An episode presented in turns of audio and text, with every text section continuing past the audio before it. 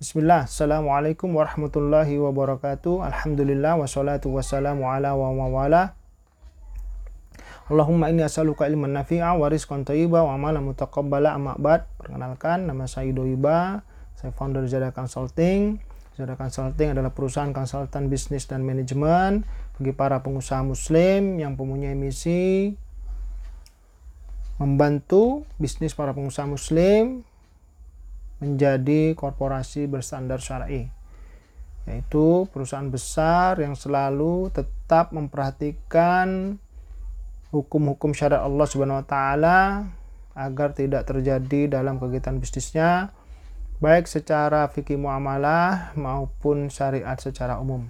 Semoga Allah mudahkan kita selalu istiqomah. Dengan misi ini kami berusaha membantu dengan berbagai cara termasuk dengan membuat podcast Amazing Muslimpreneur. Alhamdulillah sudah mencapai episode 65 66 maksud saya.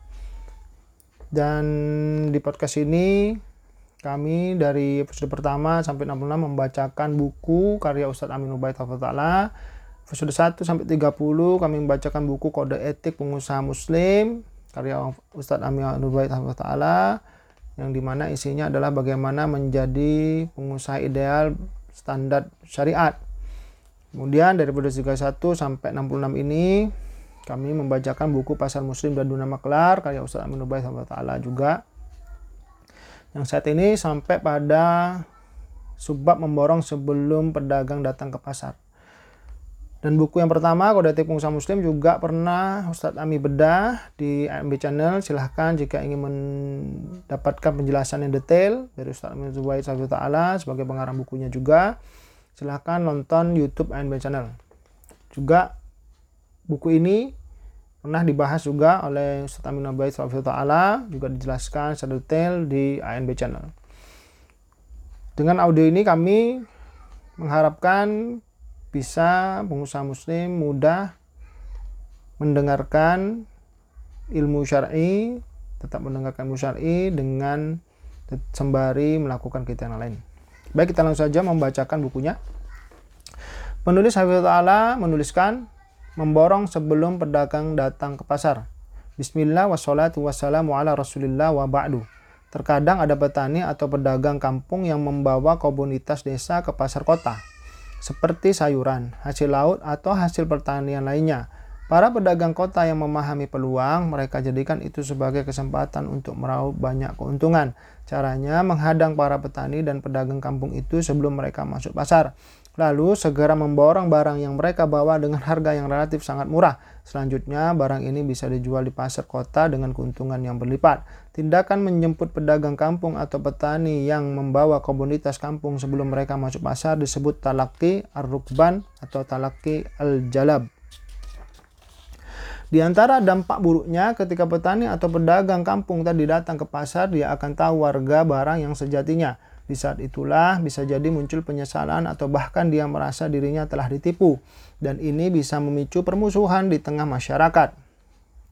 Anak itu terdapat banyak hadis yang melarang talaki ar-rukban atau talaki al-jalab. Yang boleh dilakukan adalah tunggu para petani dan pedagang kampung itu sampai di pasar sehingga mereka bisa mengetahui harga pasar. Setelah itu boleh baru boleh membeli barang mereka sesuai harga yang disepakati. Di antara hadis yang menjelaskan hal ini, yang pertama hadis dari Ibnu Umar radhiyallahu anhu, beliau menceritakan kami dulu melakukan talaki arukban, lalu kami memborong makanan dari mereka. Kemudian Nabi Shallallahu Alaihi Wasallam melarang kami untuk membelinya, sehingga dia sampai di pasar. Hadis riwayat Bukhari 2166. Kemudian kedua, hadis Ibnu Umar radhiyallahu anhu, Nabi Shallallahu alaihi wasallam bersabda yang artinya janganlah kalian menghadang barang dagangan hingga dia tiba di pasar. Hadis riwayat Bukhari 2165. Kemudian hadis yang ketiga dari Abu Hurairah radhiyallahu anhu, Nabi Shallallahu alaihi wasallam bersabda yang artinya janganlah kalian melakukan talaki al-jalab. Siapa yang melakukan talaki al-jalab lalu membeli barang darinya, maka penjual memiliki hak kiar ketika sudah masuk pasar. Hadis riwayat Muslim 3898, Ad-Darimi 2621 dan yang lainnya. Penjual memiliki hak kiar. Hak kiar adalah hak untuk melanjutkan atau membatalkan akad. karena sebab tertentu. Sebelumnya kita perhatikan hadis dari Abu Hurairah hadis nomor 3 di atas. Dalam hadis di atas dinyatakan Siapa yang melakukan talaki al-jalab lalu membeli barang darinya, maka penjual memiliki hak kiar ketika sudah masuk pasar. Artinya, ketika pedagang kampung atau petani tersebut sampai di pasar dan dia mengetahui harga yang sejatinya, bisa jadi dia merasa dirugikan. Karena ternyata barangnya diborong dengan harga yang terlalu murah dibandingkan dengan harga pasar. Memang tadi saat diborong dilakukan transaksi yang saling ridho, namun itu disebabkan karena dia tidak tahu harga pasar. Di posisi ini sang petani dibodohi. Karena penjual dalam hal ini dibodohi, Nabi SAW memberikan hak kiar untuk mereka. Dia bersabda yang artinya, janganlah kalian melakukan talaki al-jalab. Siapa yang melakukan talaki al-jalab lalu memberi barang darinya, maka penjual memiliki hak kiar ketika sudah masuk pasar. Hadis riwayat Muslim 3898. Para ulama menyebut hak kiar karena pembodohan ini dengan hak kiar gaben. Ibnu Qudamah menyebutkan kiar gaben Kiar ini bisa terjadi karena beberapa sebab. Yang pertama, talaki arukban ketika para pedagang menjemput mereka atau para petani lalu membeli dari mereka kemudian dijual di pasar dan para pedagang kota itu memudahi mereka. Yang kedua, jual beli najash dan telah dijelaskan lebih rinci di pembahasan yang terkait.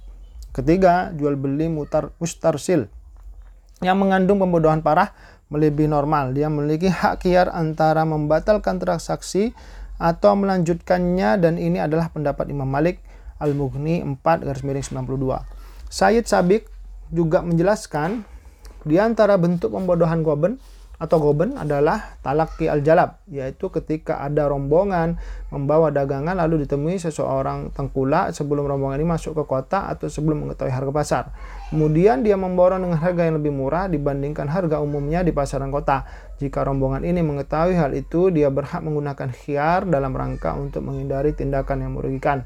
Fikih As-Sunnah 3 garis miring 119. Ketika kita ulang keterangan sebab adanya hak kiar, goben. Yang pertama talaki arukban.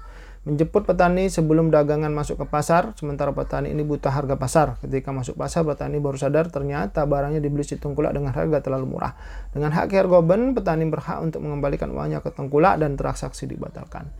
Yang kedua, bayi najas berpura-pura menawar atau memuji barang agar harga naik atau sebaliknya dengan maksud menipu penjual atau pembeli. Misal Paijo yang penjual dan Mukim yang pembeli sedang tawar menawar barang A, Mukidi sudah bersekongkol dengan Paijo agar jika ada yang menawar barangnya, dia juga ikut menawar dengan harga lebih tinggi. Di saat Paijo dan Mukim sedang tawar menawar, datang Mukidi ikut menawar dengan harga yang lebih tinggi dengan maksud agar Mukiyam mau menaikkan harga atau segera beli.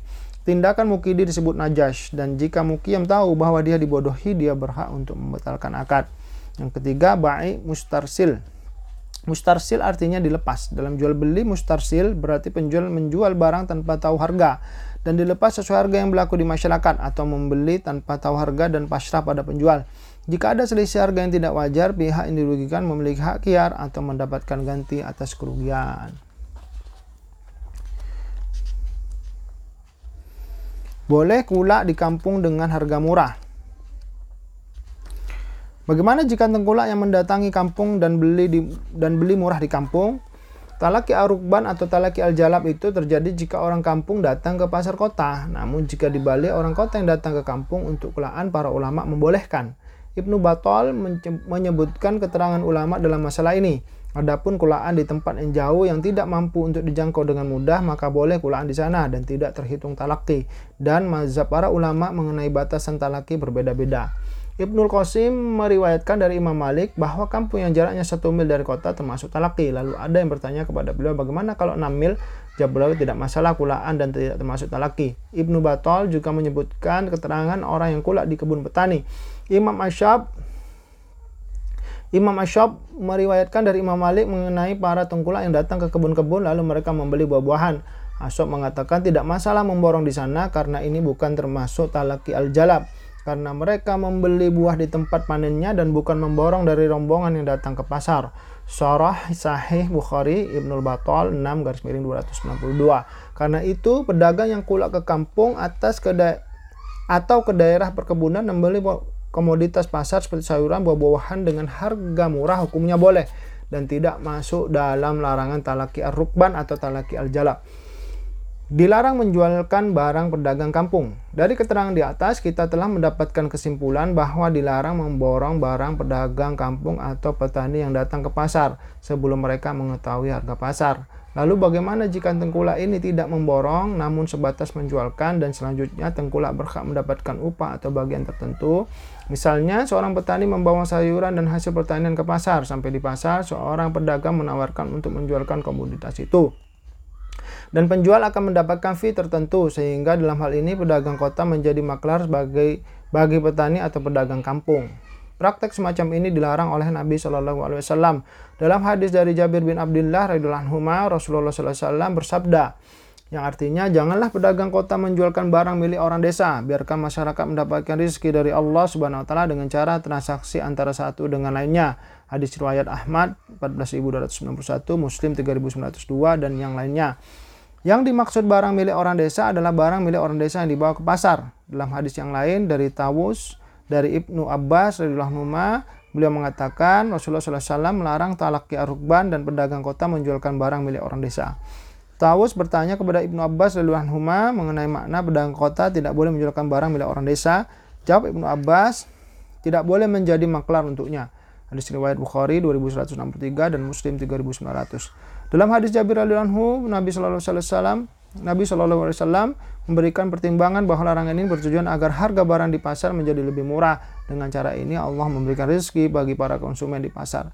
Berdasarkan keterangan di atas ada beberapa hal yang bisa kita simpulkan. Yang pertama, dilarang talaki arukban atau talaki al-jalab sampai pedagang kampung atau petani itu tiba di pasar dan mengetahui harga pasar. Yang kedua, jika petani atau pedagang kampung sudah tiba di pasar dan mengetahui harga pasar, boleh membeli dari mereka. Yang ketiga, dibolehkan kulak komoditas pasar di tempat asalnya, misalnya kulak sayuran atau buah-buahan ke daerah perkebunan. Yang keempat, tidak boleh menjualkan komoditas milik petani atau pedagang kampung ketika sampai pasar. Biarkan mereka yang menjual sendiri. Demikian Allah wa'alam. Semoga bermanfaat. Kita tutup dengan doa kafatul majlis. Subhanakallahumma bihamdik. Wa Assalamualaikum warahmatullahi wabarakatuh.